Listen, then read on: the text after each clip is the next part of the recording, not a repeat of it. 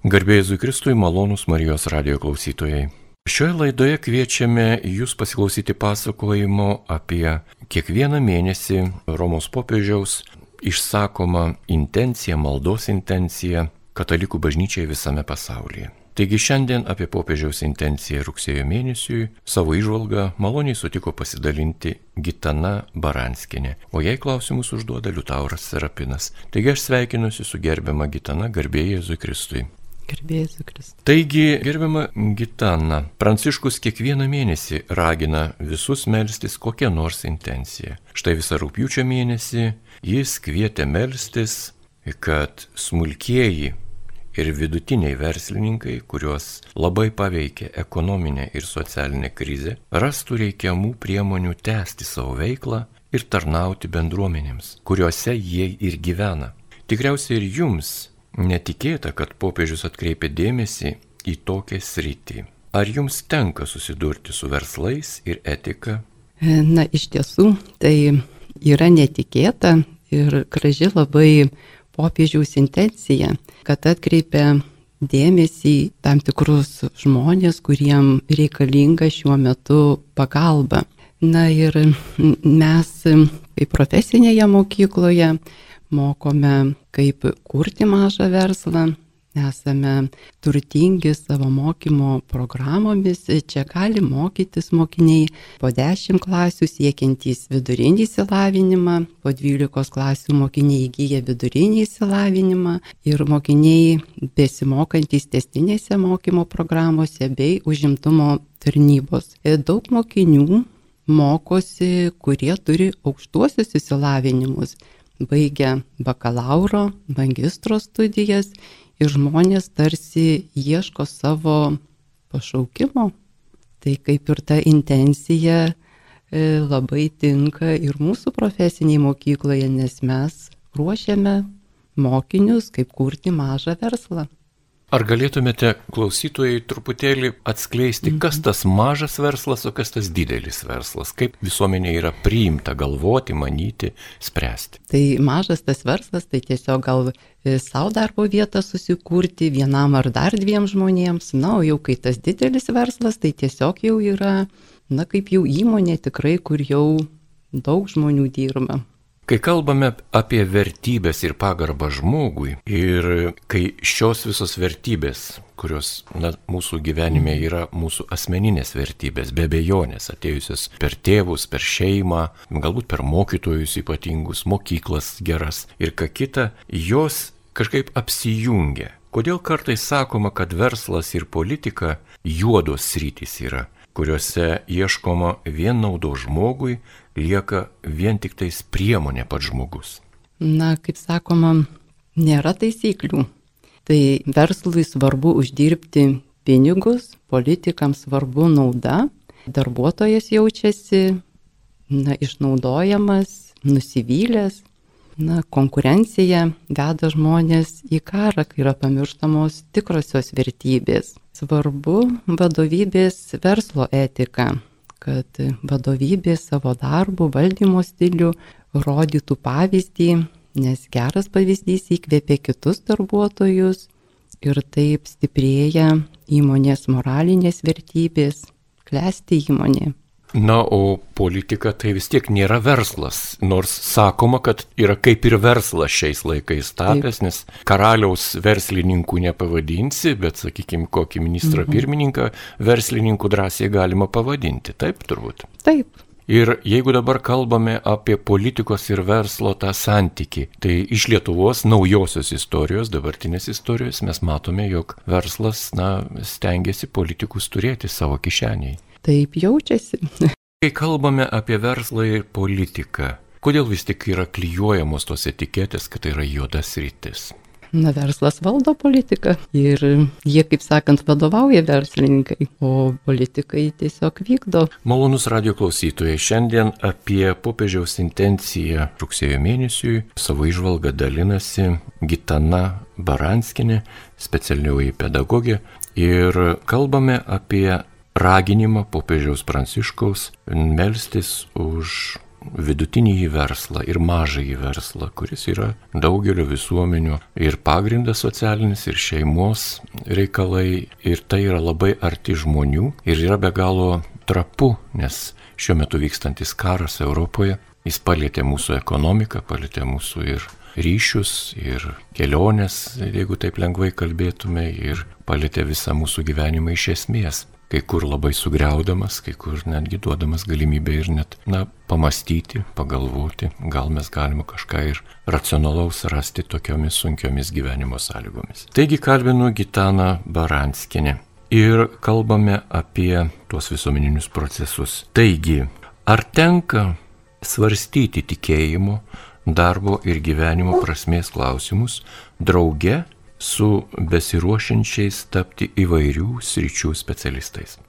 Pastebėjome, kad specialybę mokiniai renkasi pagal vertybės. Na, pavyzdžiui, socialinio darbuotojo padėjėjai, slaugytojo padėjėjai, masažuotojai, auklės tiesiog masto kitaip, jie yra samoningesni ir socialinio darbuotojo mokiniai ir slaugytojo mokosi paliatyvios priežiūros. Su jais kalbamės, diskutuojame apie mirtį ir mirimą, lygos ir mirties reikšmę žmogaus gyvenime, liūdėsi, praradimą, beprasmybės gyvenimą, diskutuojame apie gyvenimo trapumą, kad kiekviena diena tai yra dovana ir neverta jaudintis dėl transporto kamščių ar per trumpai nukirptų plaukų, sugadinto manikiūro.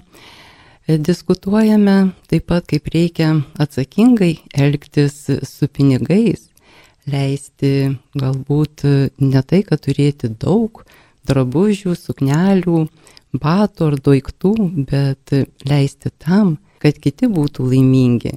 Pavyzdžiui, kažką pagaminti, nusip, nupirkti gėlių, pasakyti myliu.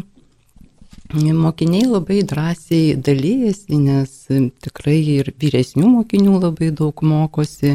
Tai diskutuoja ir apie advento gavėnios laikotarpį, tai kaip pasnikas, kad mažiau valgo, atsisako mėsos. Na ir tikslas yra tai e, negraži figūra, o askezė, savo noro palimas, e, lengviau na, įveikti gyvenimo sunkumus. Atsiranda drąsos, pasitikėjimo, na, ramybė žmogui ateina, priema gyvenime tai, kas vyksta, lengviau. Kaip jauni žmonės priima vertybinės nuostatas įvairiose verslo skirtingose srityse, na, galima būtų paimti, sakykime, žemės ūkyje, sakykime, vištelio auginimą arba gėlyčio auginime ir, sakykime, kokiam nors socialinėme versle, kuris yra susijęs su įtakos darimu, pavyzdžiui, žiniasklaidoje ar kur kitur. Aš kalbėsiu iš savo patirties, kadangi dirbu profesinėje mokykloje, tai galbūt šiek tiek lengviau. Ir, na, yra labai žinoma, žiūrint, koks tai yra tas verslas. Kiekvienam svarbu pelnas, na, kad pavyktų, bet nereikia nepamiršti ir žmogiškų vertybių. Šiais laikais dauguma jaunimui svarbu nauda, žinomumas, na, bet su metais vertybės šiek tiek ir keičiasi. Na, pavyzdžiui, kaip pas mus mokosi mokiniai socialinio darbuotojo padėjais, slaugytojais, masažuotojais, auklėm.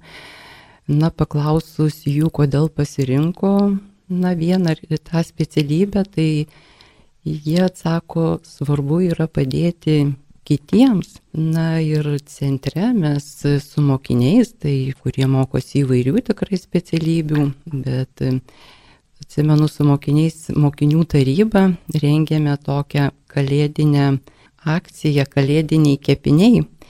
Na, jos idėja tai buvo kaip iškepti mėgstamiausią savo kepinį, atsinešti į centrą, parduoti ir visus surinktus pinigus už parduotus piragus skyrėme centro socialiai remtiniems mokiniams. Visi iš tikrųjų labai stengiamės, kepėme pyragus, tortus, keksiukus, išleidome tikrai nemažai pinigų ir po renginio diskutavome apie akcijos naudingumą. Tiesiog, kad duodami praturtėjame patys. Na ir iš tikrųjų, kai iš širdies su meilė duodu, sugrįžta dvigubai ir reikiamų momentų. Kaip sakoma, yra geriausia daugybė, yra dalyba. Atiduodami praturtėjame patys. Tai tiesiog turime ir dalintis. Tęsėme laidą apie popiežiaus paskelbtą intenciją melstis už vidutinį ir smulkų į verslą. Ir šiandien mums apie tai pasakoja Gitana Baranskinė. Na, ar tikrai nejaugi svarbiausia pelnas, nauda, žinomumas, bet kokią kainą? Kaip jūs matote savo darbę? Tai? Na, tai kaip jau ir minėjau, tai iš tikrųjų yra labai svarbu iš širdies dalin, nu, kaip ir dalintis su, savim, nu, su kitais. Kaip sako, geriausia daugybė yra dalyba ir atiduodami praturtėjame patys. Tai kai mes darome gerus darbus iš širdies, tai viską gauname atgal. Galbūt ne tuo pačiu, ką davėme, bet tam tikrų momentų grįžta atgal tam tikri geri dalykai kur labai mums reikia tuo metu. O kaip jauniems žmonėms sekasi išmokti bendradarbiauti tarpusavėje, padėti silpnesniems, kuriems sunkiau sekasi, komandinis darbas kaip yra formuojamas?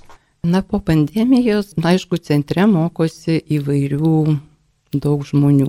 Po pandemijos jaunimas mažiau nori bendrauti, dauguma jų individualistai.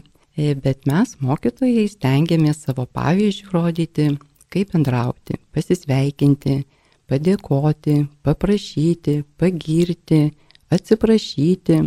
Organizuojame bendras veiklas, ekskursijas, išvykas, vyksta taip pat komandinis darbas, na ir užsiemimų metu mokiniai, na, jaučiasi laisviau, drąsiau įsako savo mintis ir požiūrį save pažįsta per įvairias veiklas, atskleidžia asmeninės savybės, kurias sunkiau pastebime kasdieninėme gyvenime. Be abejo, didesnė savivertė, pasitikėjimas atsiranda. Na ir iš tikrųjų, vat, net pasidalinsiu, kad na, galbūt mes su mokiniais kiekvienais metais tokį atliekame komandinį darbą, tai kaip bokšto statymas iš laikraščių yra dvi komandos ir, na, tiesiog jie turi iš popieriaus, klyjų, lipnios juostos pastatyti bokštą. Na ir kaip jiems sekasi. Tai va ir yra atsiskleidžia nuo to komandinio darbo metu savy, mokinių savybės, jų lankstumas, bendravimas, komandos pasidalyjimas. Tai įvertinamas grupės bendradarbiavimas. Bendravimas yra didelė vertybė. Gal kalbate su jaunimu apie įvairias krizės, kurios ištinka visuomenė ir asmenys, ir jas aptarėte, mokotės suvaldyti kaip nors?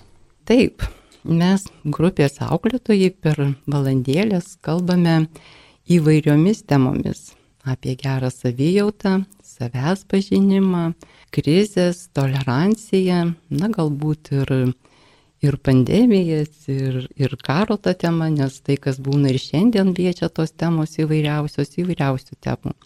E, naudojame įvairius metodus, na pavyzdžiui, kaip ir kūrybinius metodus, piešiame ten mandalą, fraktalus, kuriame koležus, mozaikas, na taip tai padeda geriau suprasti save, mintis, emocijas išreikšti vaizdais.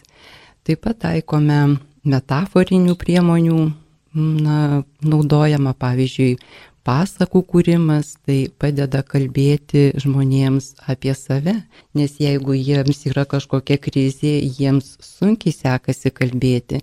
Tai panaudojant metaforinės priemonės, pavyzdžiui, kaip pasakos kūrimas, na, jie atsiskleidžia ir po truputį pradeda kalbėti apie save.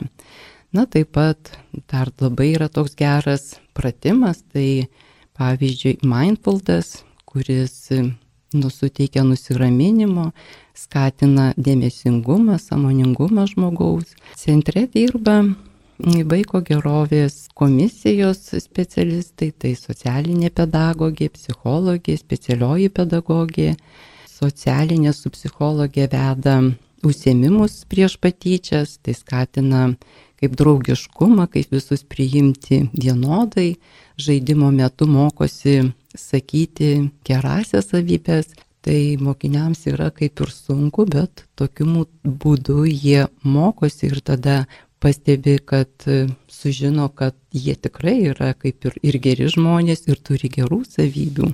Mokiniai labai smagu, kad yra socialinė pedagogė ir mokiniai drąsiai kreipiasi į ją, tai kai atsitinka kažkokios įvairios krizės. Tai yra didelė paguoda ir šiltas bendravimas. Popiežius Pranciškus atkreipė dėmesį į bendruomeniškumą. Kaip reikėtų ugdyti jaunąją kartą, kad šis rytis jiems būtų svarbi, aktuali? Mokykla ne tik pažymiai ir pamokos, tai kur kas daugiau. Tai bendruomenė, buvimas kartu, pagalba, supratimas ir palaikymas. Bendruomeniškumas atsiskleidžia organizuojant tarp profesinius projektus na, kai individualias užduotis kiekvienas atlieka pagal galimybės, mokosi dalintis atsakomybėmis, teikti, priimti, prašyti pagalbos. Bendras tikslas ir emocinis ryšys mokinius motivuoja, uždega ir nori veikti. Na, šiais mokslo metais kaip ir socialinio darbuotojo mokiniai vykdė respublikinį konkursą, tokį kaip tvarumas socialinio darbuotojo padėjo profesijoje, bendravimas, dalyvavimas, socialinė atsakomybė, tai kuriame dalyvavo 11 Lietuvos profesinių mokyklų. Ir mes visa mokykla tiesiog buvome įtraukti ir ruošėmės. Ir taip mokinius džiugino ir visą bendruomenę. Lietuvoje nėra labai išvystyta mecenatystės tradicija, kai verslų užsimantis žmonės prisideda prie vietinės bendruomenės gerovės. Kaip manote, kodėl? Na, Lietuvoje nėra išvystyta mecenatystės kultūra. Na, pasižiūrėjau, kad Lietuva iš 126 šalių užima tik 121 vietą. Turtingų žmonių kaip ir daug yra, Problema ne pinigai, o nėra paramos teikimo infrastruktūros, trūksta mecenatystės, skatinančios teisinės bazės, palankios mokestinės aplinkos, pripažinimo sistemos, na, pavyzdžiui, apdovanojimai, pagerbimas, įvairios akcijos, diskusijos, forumai. Na ir galbūt paskatinti savo sėkmę dalintis su visuomenė, gerus darbus daryti garsiai, kaip ir pavyzdžiui Lietuvos nacionalinio mecenato vardą e, turinti žmogus Arvidas Paukštys, na, vad paremė tai Balbieriškio šventosios mergelės Marijos rožinės bažnyčios atstatymui. Tai labai jau graži tikrai, na, intencija ir parama. Šiam asmeniui yra dėkingi ir Marijos radio klausytojai, nes Kaune pastatyta naująją radio studiją taipogi mecenavo ši šeima ir atidarimo metu mecenatas buvo ypatingai pagerbtas. Ne vien tik dėmesiu, bet ir maldomis lydimas šiandieną. Be abejo, esame dėkingi ponui Arvidui ir jo šeimai už dėmesį Marijos radio bangų transliacijai, kurios sklinda į visą pasaulį ir neša bažnyčios mokymą bei Dievo žodį. Na, o tęsime laidą su gerbiama Gitana Baranskienė ir kalbame apie popiežiaus skirtą intenciją, kuri ir yra tokia, jog popiežius kviečia melstis ir palaikyti mažąjį ir vidutinį verslą. Ir tai yra ypatingai svarbu, o galbūt ir netikėta tiems, kurie kartais bažnyčią nustumė vien tik tais į dvasinį lygmenį. Taigi tęsėme laidą, prie mikrofonų taip pat ir Liutauras Serapinas. Na ir norisi dar klausti. Tikriausiai tenka kalbėtis apie tai, kaip svarbu ne tik siekti naudos, pelno, bet ir atsižvelgti į žmonių situaciją, ieškoti būdų, kaip kitiems padėti. Ne tik kalbamės, bet ir savanoriaujame. Šiais metais socialinio darbuotojo padėjo mokiniai Kiekvieną trečiadienį po du mokinius savanoriavo Karitas socialinės pagalbos ir integracijos centre Betanija. Taip pat šios profi, profesijos mokytojos su mokiniais organizavo kalėdinę šventę Betanijos centre. Mokiniai parodė muzikinę inscenizaciją, o paskui kartu su kalėdų seneliu dainavo visiems žinomas dainas lankytojai buvo patenkinti, jiems net ir ašara išrėdėjo, dėkojo jaunimui. Na taip pat aišku ir kitos specialybės daug savanoriauja, tai pavyzdžiui kirpėjai kiekvienais taip pat metais vyksta į specialiuosius socialinės globos namus, tremtinių namai, ten atlieka vyrų ir moterų plaukų kirpimus.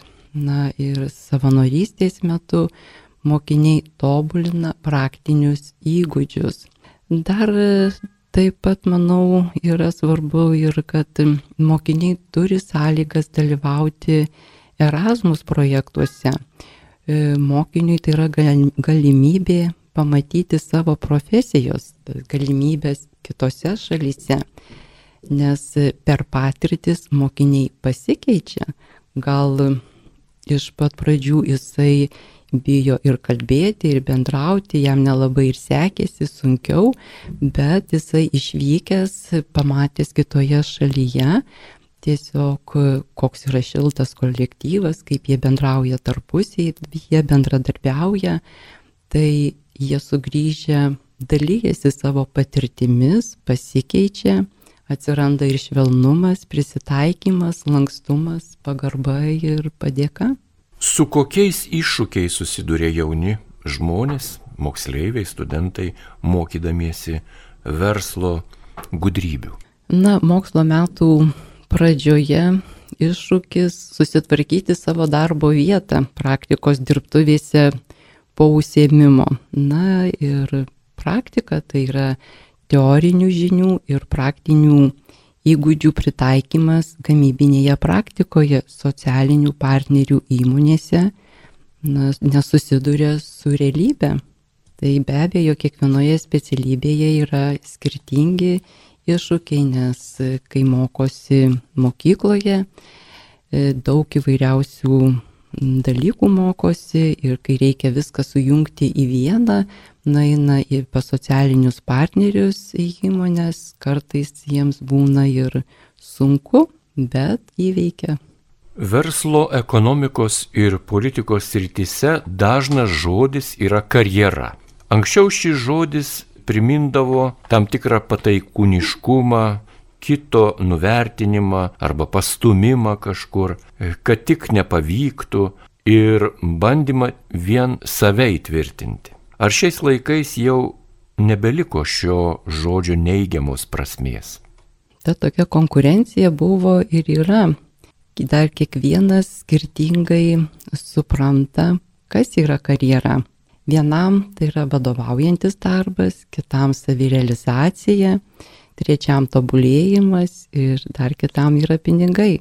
Bet svarbiausia žinoti, kas tau teikia laimę nes karjera tai yra kelionė, visą gyvenimą trunkantis procesas ir reikia mokytis naujų dalykų, bet aišku visada geriausiai sekasi išmokti tai, kas įdomu.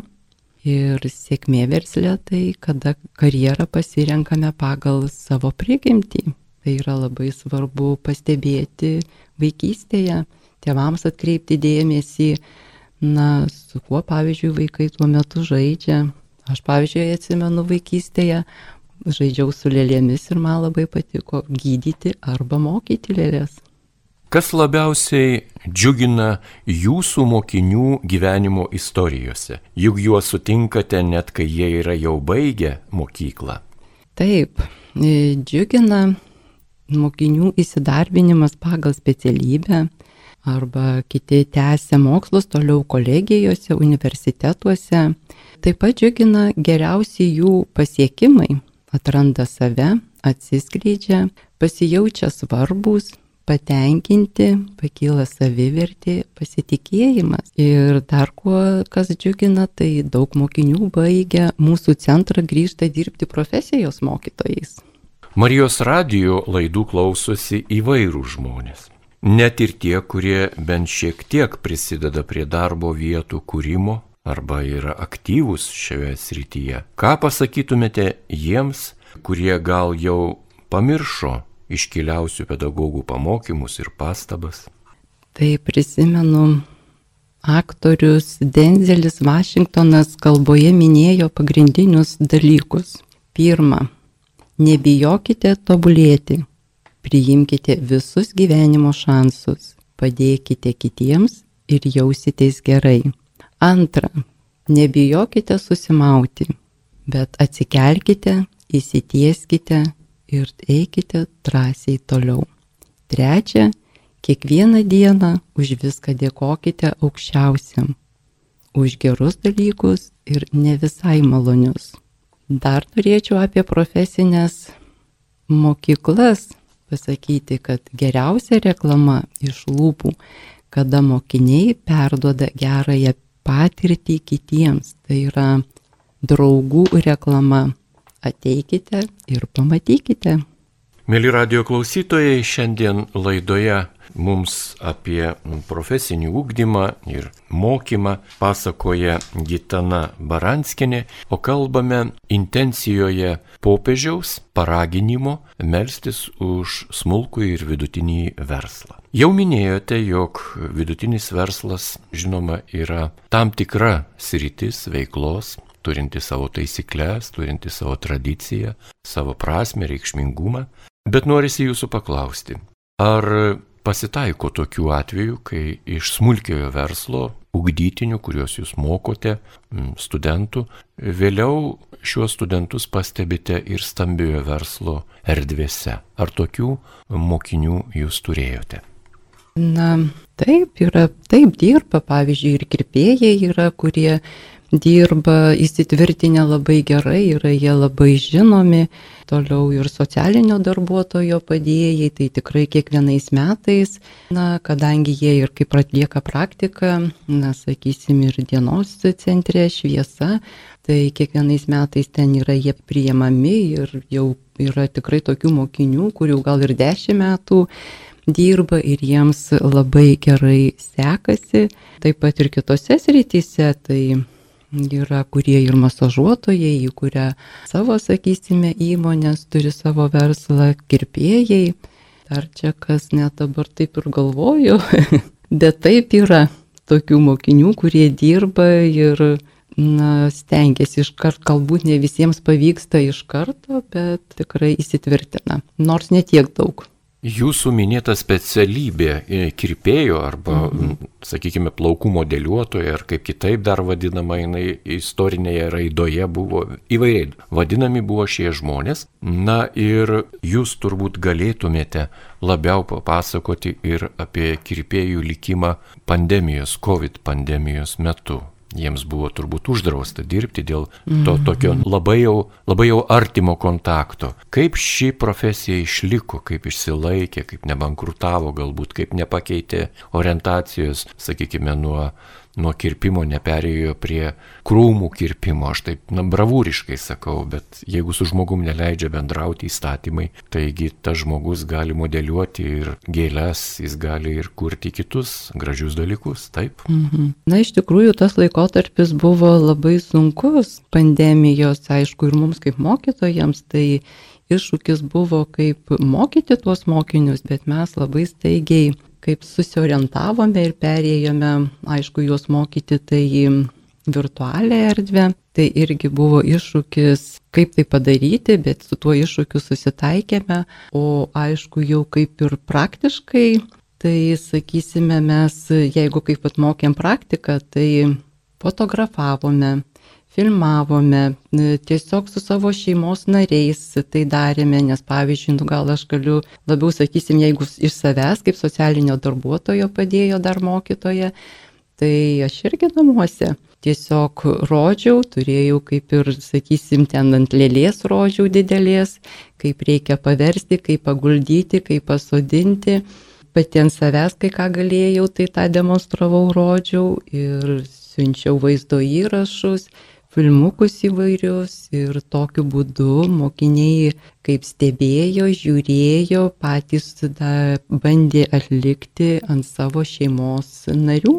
Ir taip tokiu būdu gavo ne tiek aišku kaip kontakto būdu, bet turėjo galimybę, na tai pamatyti įvairiom formom. Ir garso, ir vaizdo, ir, pa, ir išbandyti. Ar šiuo metu jau atsigauna, sakykime, kirpėjų verslas, e, socialinių darbuotojų, mm. slaugybos srityje ir kur kitur? Taip, mes atrodo kaip ir atsigauname, bent mes iš profesinės mokyklos, tai matome tikrai, nes pas mus yra labai daug mokinių kiekvienais metais įstoja. Na, ir aišku, kaip jie toliau pasuka tuo keliu, tai jau mes visiškai gal pilnai jau ir nežinome, kaip jau daugiau metų praeina. Artėja rugsėjo pirmoji. Be abejo, tai yra nauji mokslo metai ir profesinio ūkdymo srityje, ir žinių kaupime, ir patyrime, ir socialiniuose įgūdžiuose. Ką palinkėtumėte laidos pabaigai savo kolegoms, dėstytojams? Ką palinkėtumėte ir e, studentams? Čia tokias gal mintis dar, kad auginant žmogų svarbiausia matyti, kaip jisai suvokia pasaulį jį suprasti, pasitikėti juo ir leisti jam aukti. Malonus Marijos radio klausytojai, šiandien apie popiežiaus Pranciškaus intenciją, kurioje jis ragina mus, katalikus, melstis ir įvairiai paremti smulkųjį ir vidutinį verslą, melstis už šio verslo puoselėtojus, dalyvaujančius asmenys šiuose versluose. Savo mintimis dalinosi dėstytoja Gitana Baranskinė. Dėkojame Jums už pasidalinimą ir taip pat dėkojame Jums, mėly radio klausytojai, jog šią valandėlę buvote kartu. Su Jumis taip pat buvo ir Liutauras Serapinas, ragindamas ir toliau likti su Marijos radiju.